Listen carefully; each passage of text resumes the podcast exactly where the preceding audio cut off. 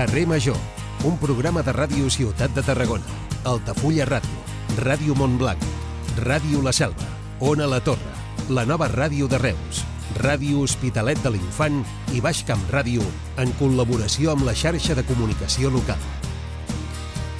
Hola, bona tarda, benvinguts un dia més a Carrer Major, aquesta passejada per l'actualitat del Camp de Tarragona que fem vuit emissores del territori de manera conjunta.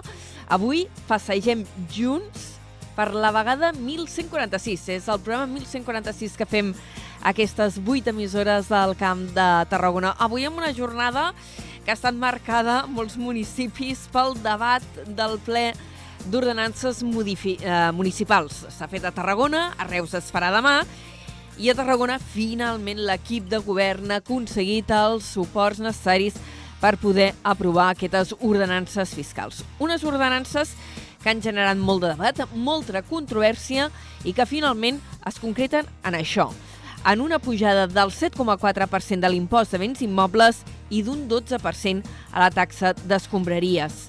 També s'ha pujat la taxa d'ocupació de les terrasses, ho ha fet en un 20%, i l'impost d'obres, en un 33%. A més, s'aplicarà un recàrrec de fins al 150% de l'IBI en els propietaris que tinguin pisos buits. Una proposta mm, que ha anat rebaixant l'equip de govern per aconseguir el suport de partits de l'oposició i finalment ha aconseguit els de Junts i en Comú Podem i això els ha permès fer prosperar aquesta proposta d'impostos i taxes per l'any vinent. Això avui a Tarragona. A Reus, el ple d'ordenances és demà.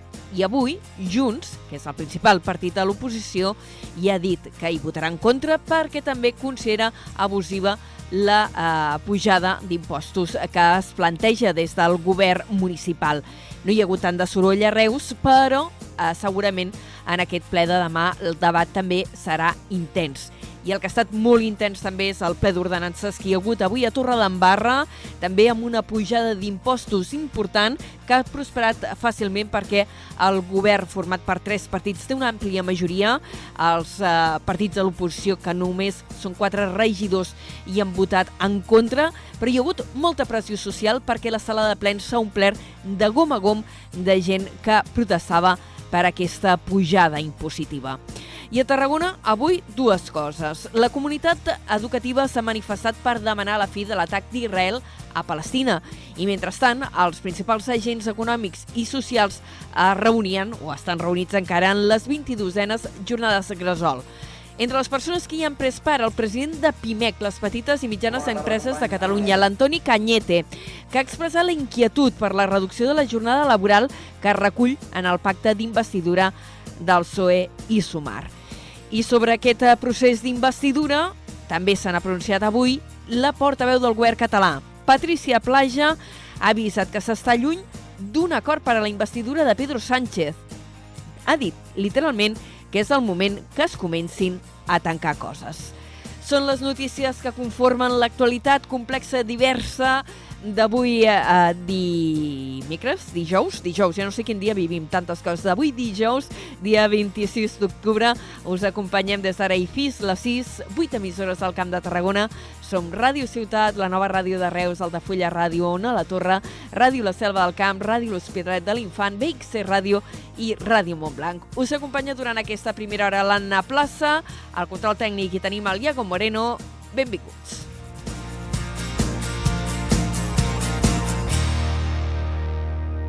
Carrer Major, Anna Plaza i Jonai González.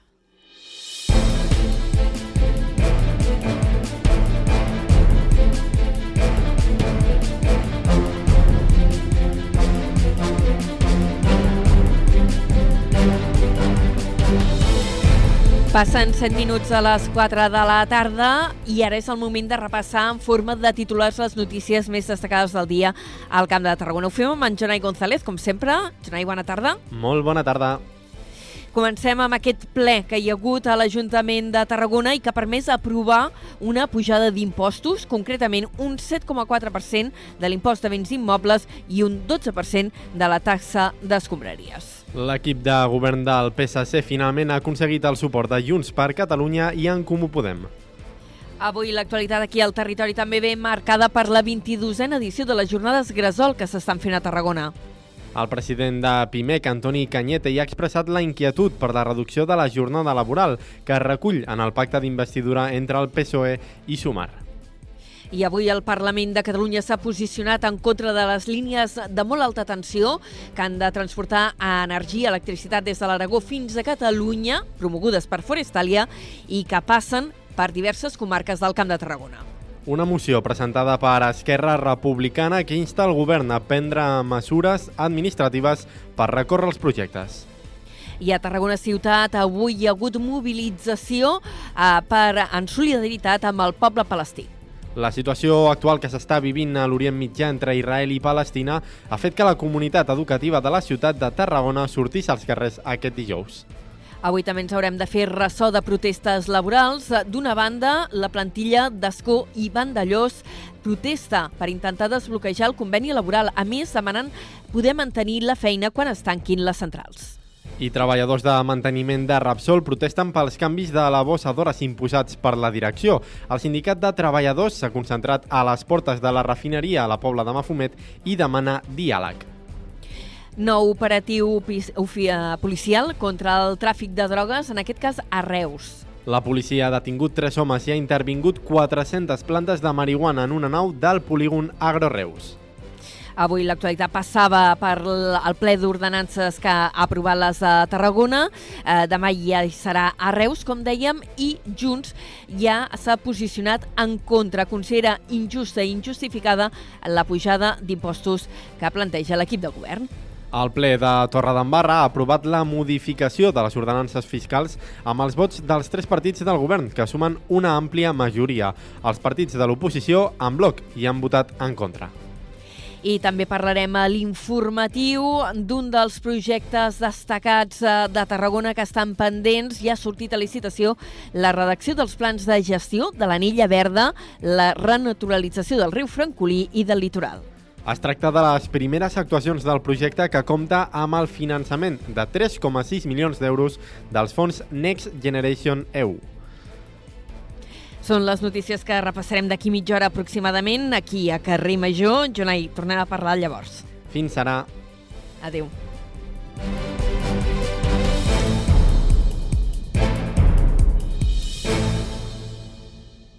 Carrer Major. Toni Mateos.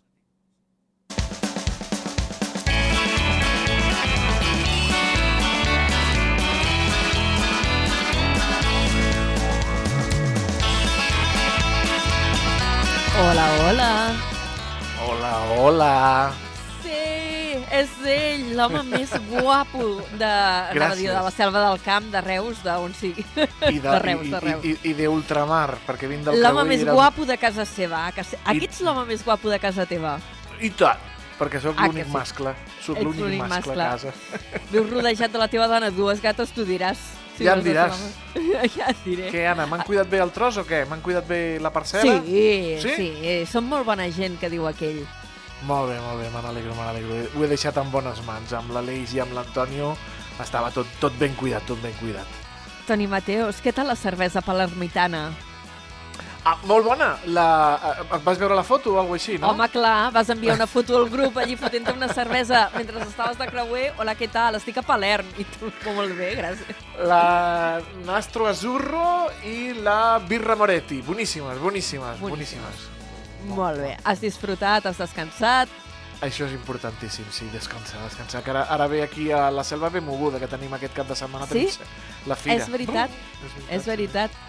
Escolta, això serà el cap de setmana que ja pringaràs, però ara, Sí. a la segona hora del programa, què?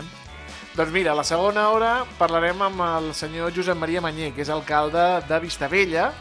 Parlarem del cicle Ah, sí? Primavera Musical. Què dius tu? Primavera. Musical al, al, a l'octubre? Ens ho explicaran, eh? Ens ho explicaran. També Molt tindrem a l'Arnau Esteban, de militant de H2O, que vindrà a parlar-nos del 25è aniversari d'aquest col·lectiu.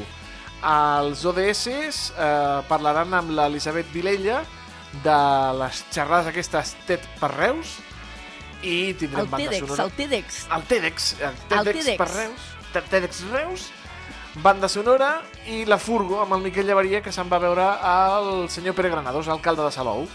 Ah, molt bé, mira el meu veí, eh? Jo que sóc de Vilaseca, doncs el senyor Granados. Escolta, saps què tindré jo ara d'aquí no res? Uh, Sorprèn-me, tinc aquí apuntat que tens No t'has eh, mirat, el senyor no t'has mirat l'escaleta. Ah, el això Garreta. mateix. Senyor El Saúl Garreta, que Home. tenim una de temes, una de temes per parlar amb ell. Uh, doncs mira, la tu planxa, a partir la de les 5 amb tot això i jo ara parlant d'infraestructures amb, amb el president del port. Fins Doncs després, Toni. Fins després. Adéu, adéu. Adéu, adéu. Cada tarda de dilluns a divendres fem parada a Carrer Major.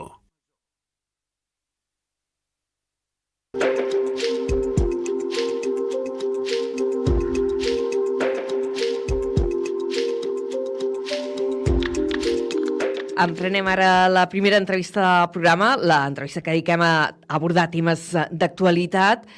I avui és una d'aquelles entrevistes que potser gairebé hauríem de fer per fascicles, perquè de temes n'hi ha molts. Avui conversarem amb en Saúl Garreta, president del Port de Tarragona. Bona tarda. Bona tarda. Gairebé un any amb el càrrec. Sí, sí, sí de, fet, de fet un any, perquè jo abans de que em nomenessin eh, oficialment en el, en el, en el BOP, eh, vaig tenir uns dies de traspàs amb el president Cruzet, on vaig anar posant al dia. Doncs pràcticament diguem-ne que avui fa un any. Uh, amb una setmana, eh, coincidit aquesta entrevista, que la teníem demanada fi a temps, amb una setmana en què s'ha inaugurat una infraestructura eh, que el port considereu capdalt, com és el darrer tram de, de l'A27 per donar sortida de mercaderies cap a l'interior. Sí, sí, és, una, és, és capdalt perquè mm, suposo que, que sabeu que l'A27 eh, eh, co- co- comença o, diguem-ne, acaba al, al Port de Tarragona. Eh, de fet, molta gent, quan, quan es troba a la guixeta, es confon i pensen que és, que és un peatge. Eh, és important perquè doncs, és una infraestructura que ens dona més eficiència, amb una part molt important del nostre Interland, que és tota, tot el corredor de l'Ebre, eh, tot el corredor de l'Ebre, tot aquest sector agroalimentari eh, que hi ha en aquest, en, al voltant de, de, de, de Lleida i també de la part de l'Aragó. I bueno, que aquest quart d'hora, que dit així sembla que no sigui massa, en termes d'eficiència vol dir que on podien passar doncs, eh, doncs dos camions, ara en podran passar, passar tres. I això no vol dir que hi hagin més camions, camions hi hauran els mateixos, però és més eficient, és menys, és, és menys CO2 i sobretot el que m'agrada dir que és intermodalitat, perquè quan parlem de, de camions, això no ha d'anar en contraposició al ferrocarril.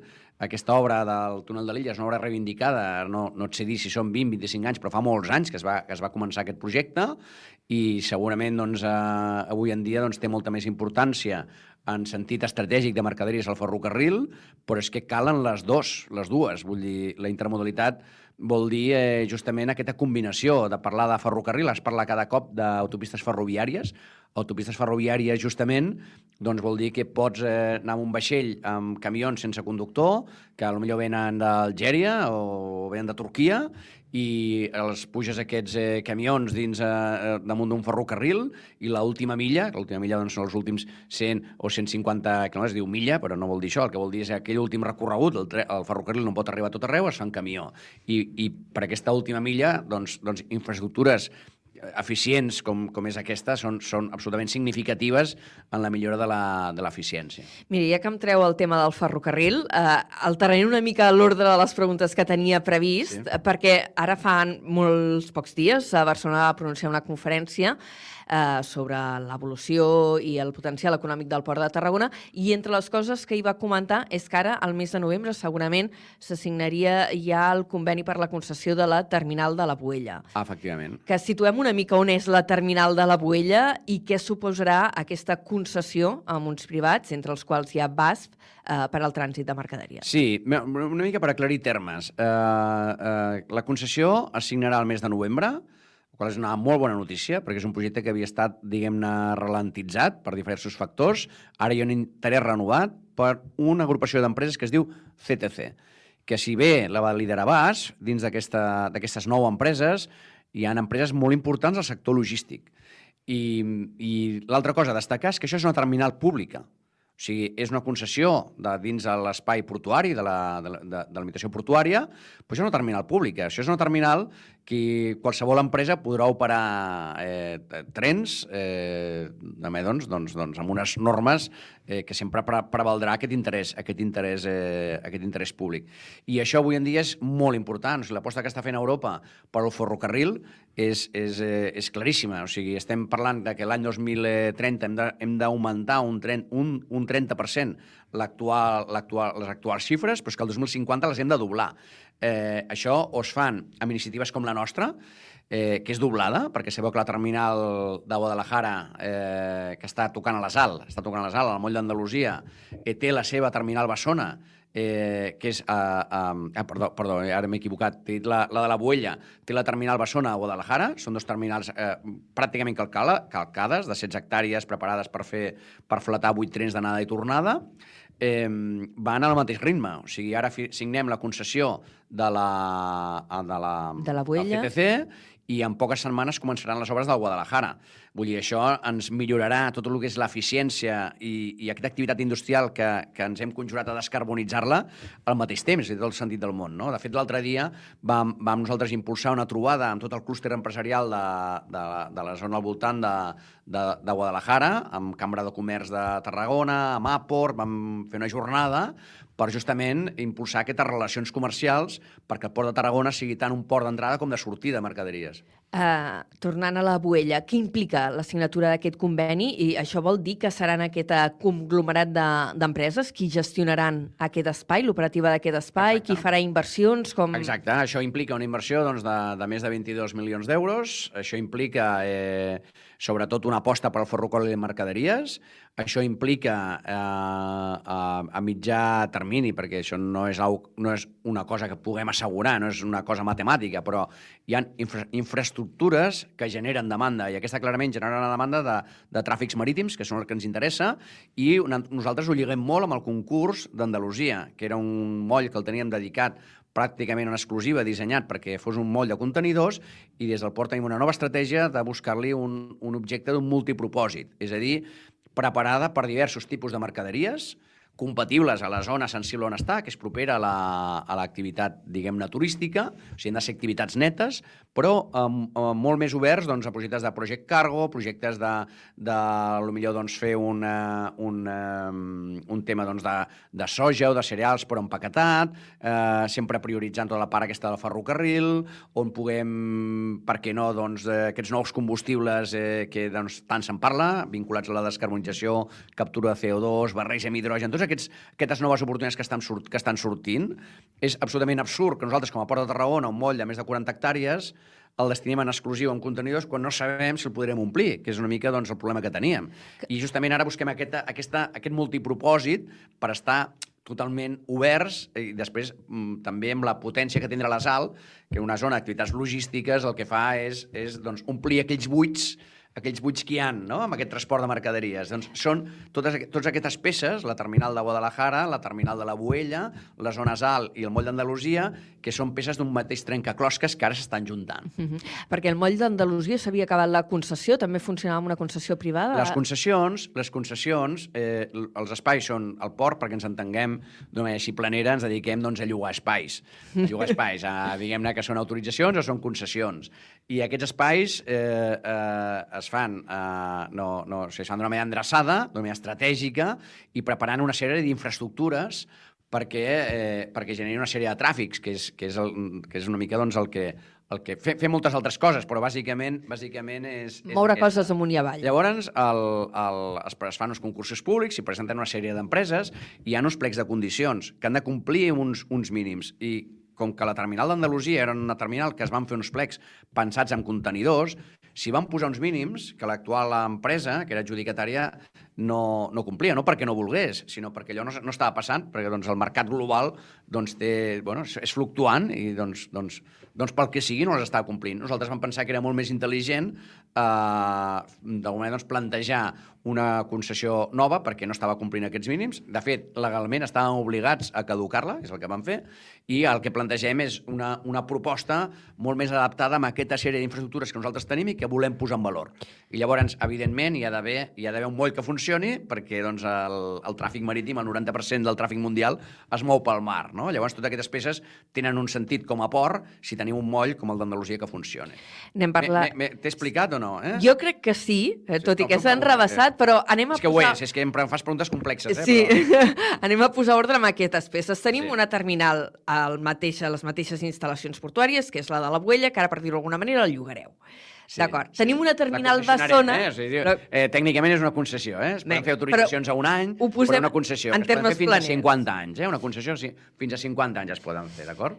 Tindrem la Buella, aquí, a tocar de mar, Sí. i a Guadalajara, Sí? tocant a Madrid, Un port sec. un port sec que ara diu que estan a punt de començar obres, entenc que de la segona fase. De la segona o fase, sigui, ja exacte. veurem vies. Sí, sí, sí, exacte, veurem vies. De fet, l'última l'últim petit entrebanc era doncs, tota l'operativa Madif, es va fer una reunió fa dues setmanes, la reunió va tenir un, el resultat que esperàvem, i ara sol estem pendents de- d'uns petits serrells amb l'agent urbanitzador. Aquestes obres començaran en poquíssimes setmanes. Doncs ja tenim dos peces, tenim un, una, una terminal a tocar de mar, una altra a l'interior perquè hi hagi fluxes de trens de mercaderies Molt bé. i després tenim la ZAL, que d'això sí que fa potser 20-30 anys que se'n parla. Sí, sí, no em miri... Sí, sí, perquè jo era molt jove que, que ja se'n parlava.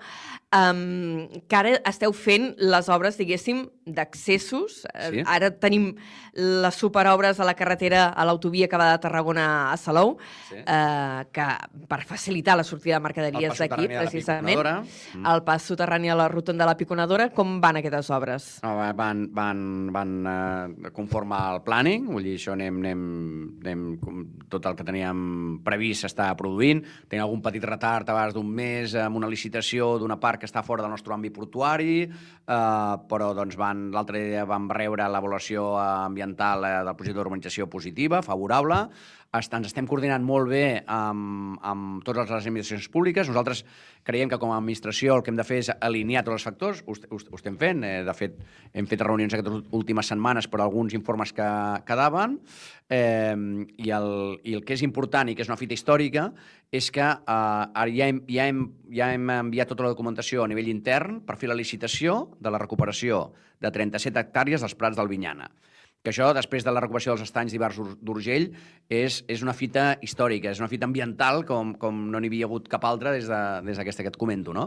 Eh, I això començarem les obres segur abans d'estiu. I no ho fem abans perquè tots els processos de licitació tenen un període garantista de, de període d'al·legacions, d'apliques, etc que això ens produirà doncs, doncs uns dos o tres mesos fins que l'empresa comenci les obres. Abans de l'estiu recuperarem 37 hectàrees d'aiguamolls i xarxa Natura 2000 amb un, amb un lloc tan, diguem-ne, eh, estratègic o tensionat com és aquesta front, frontisa no? entre, entre un, un, un, un port industrial i, i una zona turística de primer nivell. Eh? I, i, I allà al mig tenim 37 hectàrees de xarxa Natura 2000. Perquè això li anava a preguntar o, o demanar que us situéssim una mica Sí. geogràficament, Sí. perquè la zona d'activitats logístiques eh, situem laboral de Tarragona, no? Seria Sí. cap a la part sud, tirant cap a la Pineda, i aquesta zona dels Prats Sí. del Vinyana eren uns antics aiguamolls Exacte. que recuperaran, que estan a tocar de la Pineda i a tocar de les Alps. Exacte, el nivell freàtic és, és força alt i el recuperar tota aquesta zona doncs, creen tota una sèrie d'aiguamolls. És un projecte que s'ha fet amb tot el consens i, i, i, i, i carinyo que, que, que mereix una, un, un, una actuació d'aquest ordre i, i, i no es pot entendre si no és amb tota la resta. És una, la zona d'activitat logística són 100 hectàrees, un milió de metres quadrats a la part nord, que toca la part nord de tots aquests eh, aiguamolls, diguem-ne, i a la part sud hi ha una peça també no menys important, perquè és, és eh, tot un, un contradic de Ponent, on té uns usos socials a la part de Ponent i uns usos portuaris, eh, d'alguna manera, però amb usos no molestos amb aquesta activitat industrial, seríem, parlaríem de creuers, parlaríem d'algun tipus d'activitats que fossin totalment compatibles i que el que ens, eh, ens, ens aporta és un port més segur, perquè la bocana de lo que és el port es redueix a 450 metres, qualsevol basament, qualsevol problema, es pot confinar amb una seguretat eh, tremenda. I una cosa importantíssima, això permet desmuntar la monoboia, la famosa monoboia, que ha sigut una, un, un, un fet reivindicat eh, pel territori des de fa moltíssims anys, doncs això serà una realitat en breu i que lliga amb tot això. És, és... Jo a mi m'agrada parlar que el Port de Tarragona, totes aquestes obres que estem, eh, que estem endegant, que com bé deies abans, a la, la ZAL és una obra, uns terrenys que va, que va, que va adquirir eh, va tenir la visió el president Antonio Pujol, i d'això estem parlant de fa 23 anys, i, i, i tot és com que ha anat, ha anat agafant aquest trencaclosques un, un moment en què les peces eh, s'estan juntant. Un port més segur, que genera una sèrie d'espais en els quals s'hi podran, eh, podran plantejar activitats com, tan necessàries com la construcció de molins offshore, que són les plataformes flotants que estan fent ara, que són, que són molt poc invasives amb el, amb, el, amb el medi marí i que es munten als ports. Doncs aquest contradic dona, dona, dona la possibilitat de crear una sèrie de molls, una possibilitat de desmuntar la monoboia, dona possibilitats de tenir un port més segur i uns usos socials a la part de Ponent que, que fa que aquesta peça eh, sigui, sigui la, que, la que queda. Uh, la monoboia és on es descarreguen els petrolers, per dir-ho d'alguna manera, no? Una part. Una, Una part. part. Una part. Uh -huh. uh, ara deia, la, els treballs, la voluntat d'iniciar els treballs de recuperació dels Prats del Vinyana a l'estiu que ve, no? O sigui, que, que puguin començar sí, els treballs. Sí, bueno, és que aquesta setmana vam enviar tota la documentació completa amb tots els permisos eh, internament a contractació perquè iniciessin tot el procediment de contractació de les obres.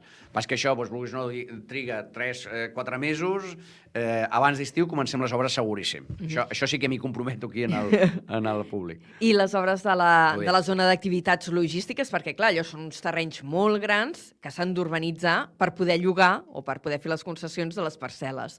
Eh, això quan començarà? Això comen començarà... I no no, no, no, m'atreveixo a dir-te una, una data, però el que sí que puc dir que totes les obres d'urbanització del voltant les tenim pràcticament, pràcticament uh, acabades. Ens queda, ens queda una part d'una rotonda que es licitarà ara i tota la part interior necessitàvem l'avaluació ambiental que vam rebre l'informe favorable. Això, doncs, agrair a totes les administracions, especialment Generalitat, que ens ho ha facilitat la setmana passada. Eh, ara el que és l'informe favorable de l'Ajuntament de Vilaseca, el, el compromís que el tindrem en poques, en poques setmanes.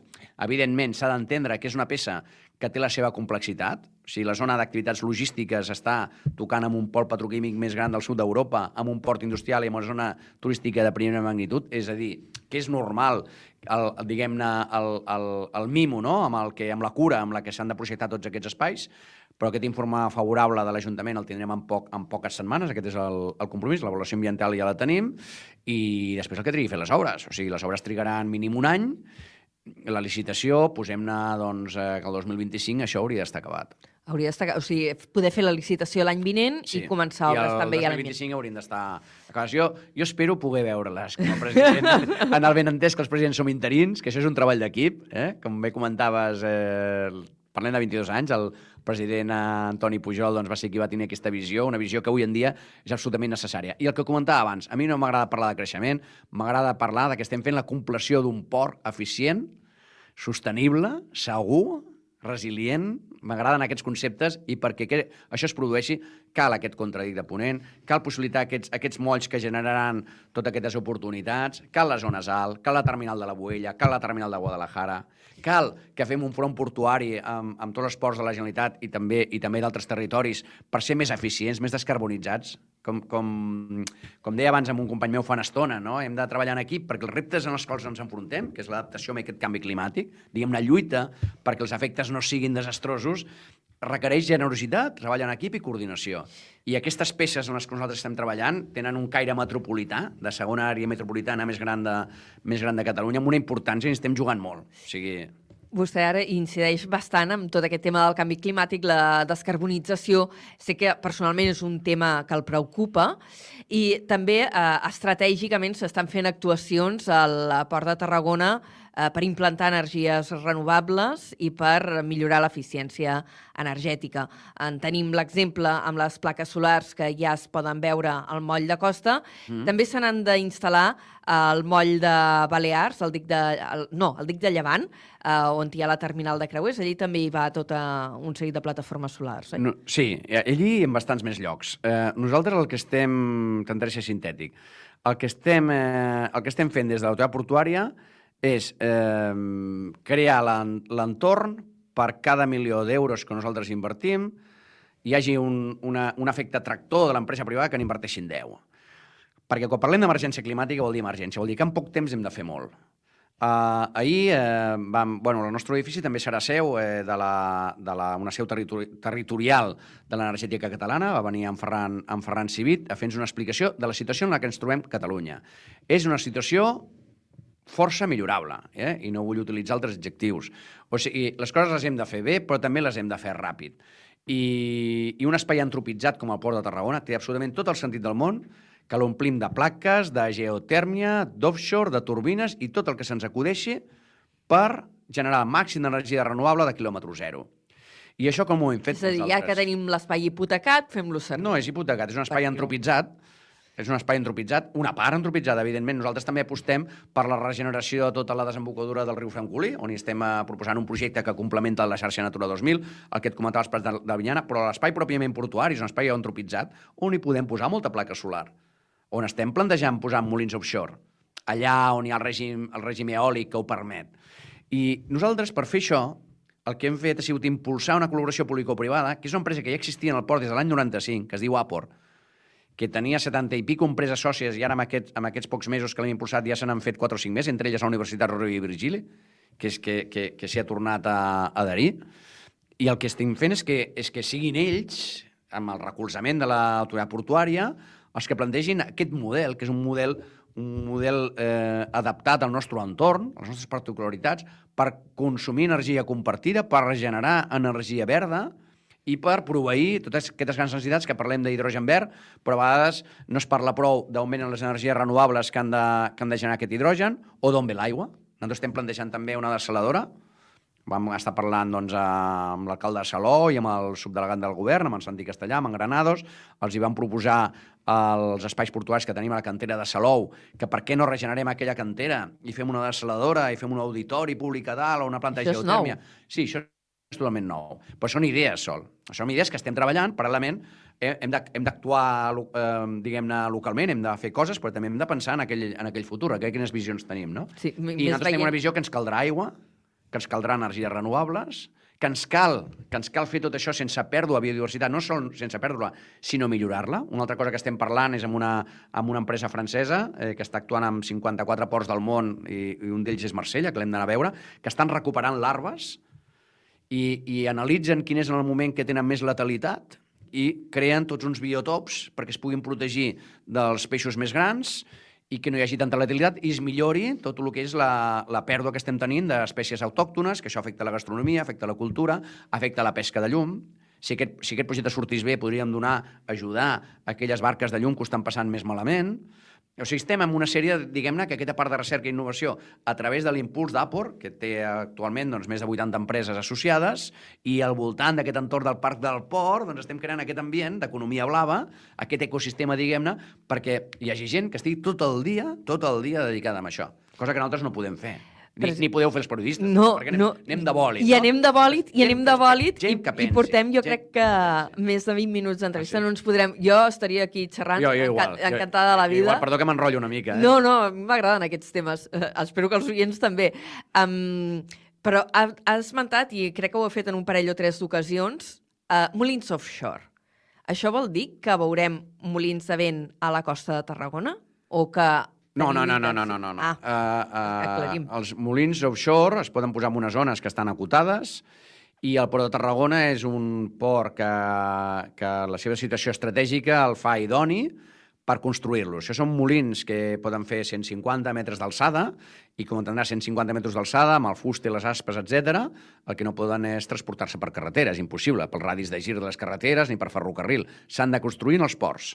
Ho està fent el port de Bilbao, ho està fent molts ports del món, i el port de Tarragona és un dels que està estratègica, estratègicament ben situat per fer-ho. Aquests, aquests molins tenen unes plataformes on, on, on, on es subjecten, per això diu, es diuen flotants, perquè suren al mar, que fan pràcticament un camp de futbol, pràcticament una hectàrea. És una plataforma de 100 per 80 metres, aproximadament. I llavors van amb uns, amb uns cables ancorats al lloc on, on, on la, legislativament es permet que hi vagin, on hi hagi un règim eòlic, però s'han de construir els ports i, i després es porten en barca allà on s'han d'instal·lar. O sigui, o I sigui, això en veurem, en veurem perquè perquè se n'està... se n'està... Hi ha un PERTE, de fet, eh, dels Next Generation, que està eh, exclusivament dedicat a això. o sigui que podrem dir que al Port de Tarragona se n'hi faran de- d'aquests molins. no, Serà centre de producció? No t'ho puc assegu- assegurar, però que hi ha interès de moltíssimes empreses en què ho sigui, efectivament. i que estem en el lloc perquè ho sigui, efectivament, i que nosaltres hem de jugar a favor de tot el que sigui bo pel territori, doncs també. Uh, president, permeti'm que acabem l'entrevista preguntant per... Mm, bueno, aquesta setmana donàveu dades de, de tràfic que van, uh, van millorant uh, en, en general. Uh, portem 20... Esperis, que ho tinc apuntat i no hi veig. 24,5 milions de tones en l'acumulat d'any en aquests nou primers mesos, que representa un increment del 6,5%. Uh, veníem d'un temps en què hi havia hagut certes dificultats pel tema de l'estiva, perquè hi havia hagut, no sé si se'n pot parlar de vaga encoberta, diguin com vulguis, però hi havia hagut un alentiment de les tasques de càrrega i descàrrega. Eh, fa uns mesos vau anunciar un principi d'acord eh, entre l'empresa l'estiva i els estibadors. Eh, millorar la situació? La, la situació des de que es va signar aquest acord al, al començaments d'estiu ha millorat eh, claríssimament. O sigui, hi havia un conflicte laboral entre empreses i els seus treballadors, on l'autoritat portuària l'únic que podia fer és el que van fer, que és des d'una postura absolutament neutral, alinear totes les parts i treballar perquè hi hagués un acord. Aquest acord es va signar fins al 2029. És a dir, ara tenim pau social. Això vol dir que ho tenim tot arreglat? Ni molt menys. Nosaltres tenim ara una, un dèficit d'estibadors, necessitem formar-ne formar, formar més, ja ho estem fent, amb les dificultats que això comporta, però clarament en aquest aspecte hem millorat, hem millorat eh, moltíssim.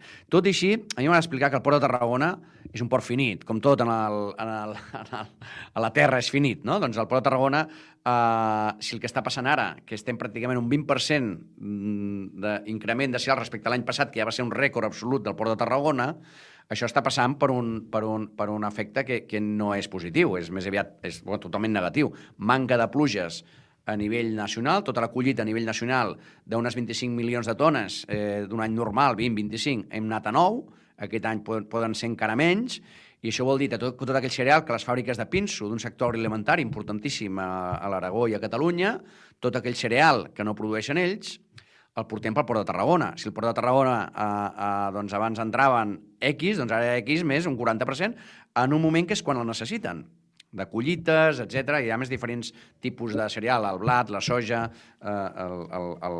El blat de moro. Exacte, el blat de moro, doncs són diferents tipus, la proteïna, etc. No? Són...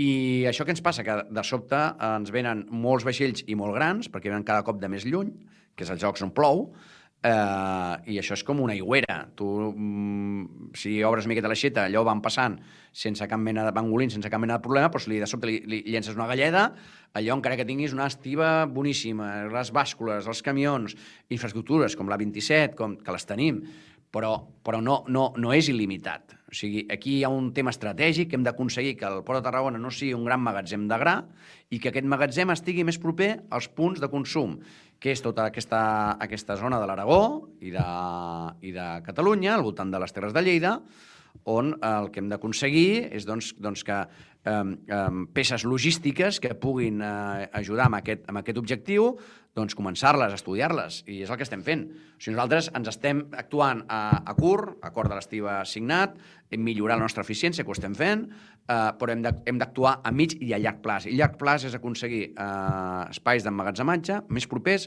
als punts de consum. I les empreses estan absolutament alineades amb aquesta idea, també. Ara obriríem un altre meló i com que se'ns està acabant el temps, doncs ho haurem de deixar aquí. Eh, president, moltíssimes gràcies per haver-nos acompanyat avui a, a Carrer Major. Moltes gràcies a vosaltres. Recordant la primera vegada que el vam entrevistar quan tot just s'acaba d'estrenar com a president, ara fa un any, i bueno, s'han quedat molts temes al molts, tinter, però sí, segurament sí. al llarg de l'any tindrem Com alguna vulgueu, altra com oportunitat. vulgueu, com Moltíssimes vulgueu. gràcies. Moltes gràcies. Carrer Major, al Camp de Tarragona, des de ben a prop. Vinga, que ens queda poc temps eh, per repassar les notícies de la jornada avui, molt carregada d'actualitat, perquè hi ha hagut ple d'ordenances a l'Ajuntament de Torre d'Embarra, on finalment s'ha aprovat la pujada d'impostos que plantejava l'equip de govern, tot i que amb rebaixes. D'aquesta manera, l'IBI pujarà l'any vinent un 7,4% a Tarragona i un 12% la taxa d'escombraria. Jonai González, bona tarda de nou. Molt bona tarda de nou. Després de setmanes de negociacions, l'equip de govern del PSC ha aconseguit el suport de Junts per Catalunya i d'en Comú Podem. Ens ho amplia des de Ràdio Ciutat de Tarragona, l'Adrià Tella. Ja és oficial, els ciutadans de Tarragona pagaran un 7,4% més d'IBI el pròxim 2024. Així s'ha aprovat en el plenari extraordinari d'aquest dijous de més de 3 hores en el qual el Partit Socialista ha rebut el suport en forma de vots a favor d'en Comú Podem i Junts per Catalunya. A més, també s'ha acordat la pujada d'un 12% de la taxa de la brossa, també amb el suport de Comuns i Junts, i l'abstenció d'Esquerra Republicana que entén que era necessària. Tot plegat amb la negativa clara del Partit Popular i Vox i després de setmanes de negociacions entre la resta de partits per tirar endavant aquests canvis en les ordenances fiscals de cara a l'any vinent, en un context econòmic realment delicat pel consistori, tal com s'ha encarregat de recordar repetidament durant el ple l'actual equip de govern. A més de les pujades de l'IBI i la taxa d'escombraries, també s'ha aprovat la pujada d'un 33% de l'ICIO vinculat a les construccions i obres i d'un 20% de la taxa de terrasses.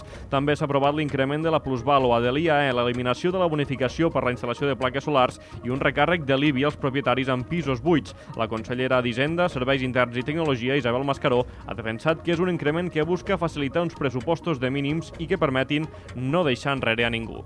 Ja que, que, que inicialment proposava aquest equip de govern del 20%, com dic, eh, era la que eh, possibilitava assolir aquests 14 milions juntament amb altres mesures, tant d'ingrés com, de, com de reducció de despesa, però sobretot d'ingrés. En aquest sentit tinguem en compte que el, s'ha baixat en el 7,4, però s'ha baixat, eh, lògicament, amb aquesta voluntat eh, negociadora i de porta oberta amb totes les forces i grups, i grups municipals. Tot això per garantir eh, el que és la prestació dels serveis bàsics, que aquesta és la voluntat de, de l'equip de govern, no deixar ningú enrere. L'alcalde Rubén Viñuales ha destacat que Tarragona finalment és el municipi del territori que menys ha pujat els impostos. Ha volgut agrair en Comú Podem i Junts el suport, definint com a responsable el seu comportament, però també ha destacat la predisposició a negociar en tot moment, així com la presentació de propostes al grup d'Esquerra Republicana. Avui també destaquem i ho acabem de saber que la Diputació de Tarragona ha encarregat un informe de per determinar com ha de ser la futura àrea metropolitana del Camp de Tarragona. L'estudi el realitzarà una consultora i haurà de definir quins municipis en podran formar part, quins serveis es podrien mancomunar i quines opcions hi ha per desenvolupar complexes eh, projectes conjunts. Aquesta proposta ha d'estar enllestida en un termini màxim eh, de sis mesos. Avui dijous hi ha hagut una reunió entre la presidenta de la Diputació, Noemí Llaurador, i els alcaldes de Tarragona i Reus per poder abordar aquesta qüestió, un tema del qual eh, parlarem amb més detall en altres edicions informatives. I avui l'actualitat també ben marcada per la 22a edició de les Jornades Gresol que s'estan fent a Tarragona. El president de PIMEC, Antoni Canyete, hi ha expressat la inquietud per la reducció de la jornada laboral que recullen el pacte d'investidura entre el PSOE i Sumar. El president de les petites i mitjanes empreses a Catalunya considera que aquesta mesura pot resultar contraproduent per a la competitivitat i que no va acompanyada d'altres mesures. A nosaltres ens inquieta molt el que s'hagi fet un plantejament de reducció de 37 hores i mitja a 37 hores i mitja la reducció de jornada de 40 hores, mantenint el mateix salari i no posant damunt de la taula elements que ens millorin la nostra productivitat i la nostra competitivitat. Per què? En Espanya som el país menys productiu després de Turquia en tota Europa, no en la Unió Europea, en tota Europa. El president de PIMEC també ha apostat per aprofitar els aeroports de Reus i Girona per ampliar la capacitat del Prat. També s'ha referit al traspàs de Rodalies que reclama el govern català i ha dit que només funcionarà si va acompanyat d'inversions. Precisament de la situació de Rodalies i regional n'ha parlat el president de Renfe, Raül Blanco, que també ha intervingut aquest matí en aquesta jornada gresol que s'està fent al Moll de Costa.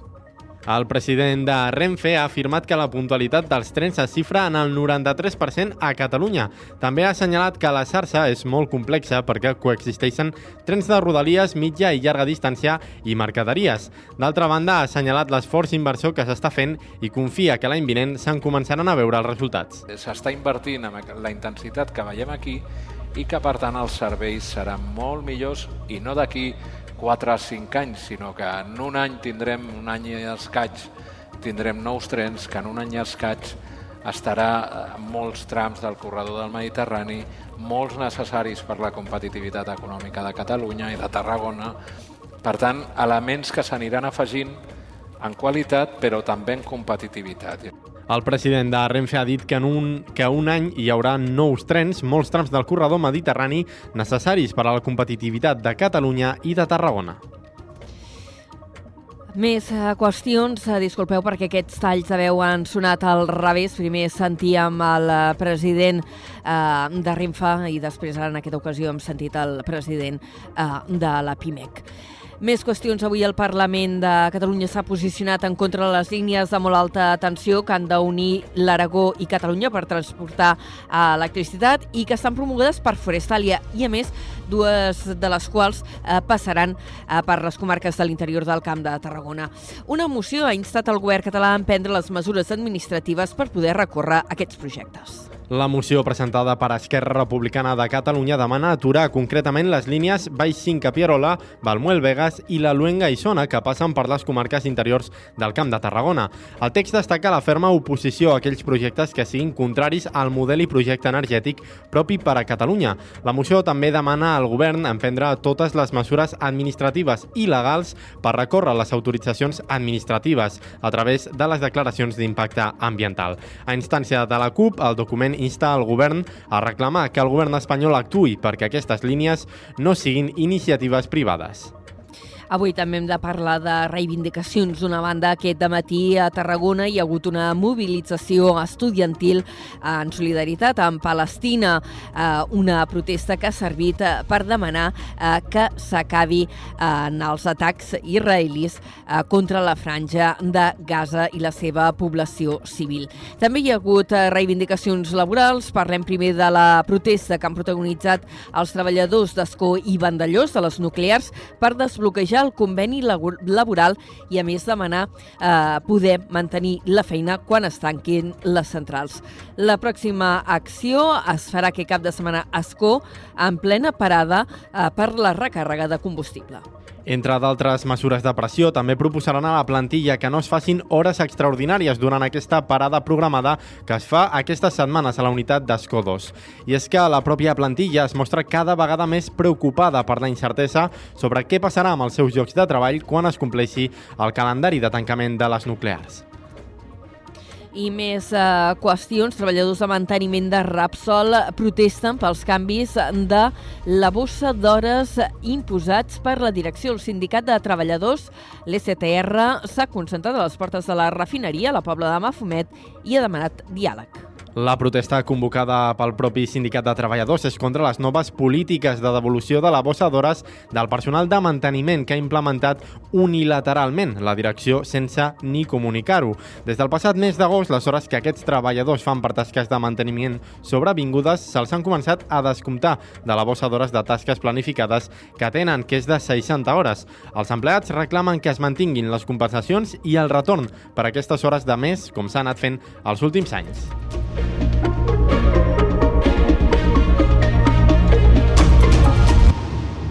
Falten no encara 10 minuts per les 5 de la tarda. Ens hem de referir ara a un nou eh, operatiu policial contra el tràfic de drogues al territori, en aquest cas a Reus. La policia ha detingut tres homes i ha intervingut 400 plantes de marihuana en una nau del polígon Agro Reus. Ens ho explica des de la nova ràdio de Reus, en David Fernández. Un operatiu conjunt entre els Mossos d'Esquadra i la Guàrdia Urbana de Reus ha acabat aquest dijous al matí amb la detenció de dos homes de 23 anys i el decomís de més de 400 plantes de marihuana. Les detencions han tingut lloc després d'escorcollar una nau del carrer Castillejos del polígon Agro Reus, on la policia s'hi ha trobat plantes amb un estat de creixement avançat. Els Mossos expliquen que la investigació va començar quan la seva unitat de seguretat ciutadana va detectar un consum diari d'electricitat a la nau que equivaldria a unes 130 llars i sospités també que l'activitat que s'hi desenvolupava no era la declarada. A més, alerten que la connexió fraudulenta a la xarxa elèctrica suposava un evident perill d'incendi. Els dos detinguts passaran a disposició judicial en les properes hores. Moltes gràcies, David. I un altre operatiu policial, en aquest cas liderat eh, per una investigació que ha estat dirigida pel jutjat d'instrucció número 1 de Tarragona i que ha permès detenir 22 persones. Les detencions s'han fet a Barcelona, València i Alacant per suposades extorsions a clients de pàgines de serveis sexuals. Els detinguts amenaçaven d'agredir a les víctimes i publicar eh, que eren usuaris d'aquests portals. D'aquesta manera haurien obtingut uns 200 200.000 euros. L'organització era dirigida per quatre dels membres que residien a Badalona i tenien alts coneixements informàtics. Aquests s'encarregaven de la captació de potencials clients i, posteriorment, un cop fet el contacte amb l'organització, l'extorsionaven per missatgeria instantània. Cada extorsionat arribava a pagar quantitats de fins a 3.000 euros per evitar que la informació arribés a l'entorn més proper. L'operació es va iniciar arran de la denúncia d'una víctima. Actualment hi ha una vintena de víctimes identificades i més eh, qüestions. Ara tornant a parlar de finances municipals, hem vist avui com s'han aprovat les ordenances municipals a Tarragona, una mica in extremis. Demà hi ha el ple d'ordenances a Reus i avui Junts eh, ja ha dit que hi votarà que no. Considera injusta i injustificada eh, la pujada d'impostos municipals que ha plantejat l'equip de govern. És per això que el principal partit de l'oposició ja ha manifestat el seu vot contrari. Des de la nova ràdio de Reus ens ho explica en David Fernández. Si ahir era el PP de Reus que anunciava el seu vot contrari a la pujada dels impostos municipals, avui ha estat Junts, el grup majoritari de l'oposició, qui també ha considerat injust i injustificat aquest increment. El partit alerta que va deixar les arques municipals sanejades i que no accepten la demagogia darrere els números. A més, avisen a l'actual govern del PSC, Esquerra i ara Reus, que ja sabien que hi havia compromisos previs com ara ampliar la dotació de la plantilla plantilla de la Guàrdia Urbana o les retribucions als treballadors municipals. Teresa Pallarès és la portaveu de Junts a Reus. Per nosaltres, aquests pressupostos són injustos i injustificats perquè carreguen el pes més important de tots els ingressos a la butxaca de les famílies, empresaris i emprenedors en forma d'impostos. Hi ha altres maneres de fer política. I absolutament injustificada aquesta pujada, perquè les arques municipals estaven prou sanejades i preparades per assumir aquest impacte i per enfrontar aquest nou mandat. Pallarès també ha lamentat el silenci d'Esquerra i Ara Reus i que no donin la cara per la feina feta al mandat anterior. Moltes gràcies, David. I a Torredembarra el ple ha aprovat la modificació de les ordenances fiscals amb els vots dels tres partits del govern que sumen una àmplia majoria. Els partits de l'oposició en bloc hi han votat en contra. La sessió s'ha celebrat en un ambient crispat i amb la sala plena de gom a gom de gent que protestava per la pujada impositiva. Al llarg del ple s'han sentit en diverses ocasions crits demanant la dimissió de l'alcalde i sonors aplaudiments que combregaven amb les crítiques de l'oposició. El segon tinent d'alcalde, Raül García, ha argumentat els motius que justifiquen aquesta pujada impositiva, que és del 17% en cas de l'IBI i del 27% de la brossa per als particulars. Des del grup municipal d'Esquerra apel·lem primer de tot a fer un exercici d'empatia per fer una valoració més justa d'aquest escenari en el que es proposa aprovar, aprovar avui i és que hauria de ser sabut per tothom que a ningú li agrada haver d'augmentar els impostos a la ciutadania, però la situació actual, tot i que no és desitjada, és la que és i primer de tot m'agradaria posar en valor l'exercici també de responsabilitat i prudència que ha fet aquest equip de govern. La pressió popular no ha alterat un guió que ja estava escrit d'entrada i el govern municipal d'Esquerra Republicana, PSC i Junts han fet valer la seva àmplia majoria absoluta per tirar endavant la seva proposta. I tornem a Tarragona ciutat, on l'Ajuntament ha anunciat que s'estan fent ja les primeres passes per tirar endavant el projecte Green Belt 2026. De fet, ha sortit a licitació la redacció dels plans de gestió de l'anella verda, la renaturalització del riu Francolí i del litoral. Concretament s'han publicat els plecs de condicions tècniques que han de regir els concursos per adjudicar la redacció dels plans d'aquests espais. Es tracta de les primeres actuacions del projecte que compta amb el finançament de 3,6 milions d'euros dels fons Next Generation. Aquest pressupost se suma a l'aportació municipal per dur a terme els projectes. I acabarem a la selva del camp, que s'assegura l'estabilitat del subministrament d'aigua amb un nou dipòsit regulador. Des de Ràdio La Selva, Antonio Mellado. Després de diversos contratemps lligats a la irrupció de la pandèmia, a problemes de subministrament i a l'encariment de materials pel context inflacionista, la Selva finalment disposa d'un nou dipòsit d'aigua que millorarà la capacitat d'abastiment hídric a la vila, especialment durant els episodis de sequera. La construcció consta d'un dipòsit de 1.000 metres cúbics que rep l'aigua provinent de la concessió del mini transvasament de l'Ebre a través de la canonada del Consorci d'Aigües de Tarragona, el CAT. Amb la posada en marxa d'aquest equipament, l'Ajuntament posa punt final a un projecte que ve de lluny. La idea de construir un dipòsit regulador d'aigua, de fet, es remunta al passat 2018, enmig del darrer gran episodi de sequera a les nostres comarques. Escoltem a Josep Masdeu, alcalde de la Selva del Camp. A partir que els tècnics van dir doncs, que havíem d'aconseguir bueno, més subministre d'aigua del CAT, eh, vam ficar-nos en contacte amb el CAT, ens van dir que hi havia disponibilitat, cap problema, però sí que hi havia un condicionant físic que la nostra connexió que es havia fet a l'inici del CAC, ja no tenia capacitat de, de passar més aigua. No? El plantejament era doblar la tuberia, o finalment, vull dir, el projecte que, que la part tècnica ens va aconsellar era fer aquest dipòsit regulador.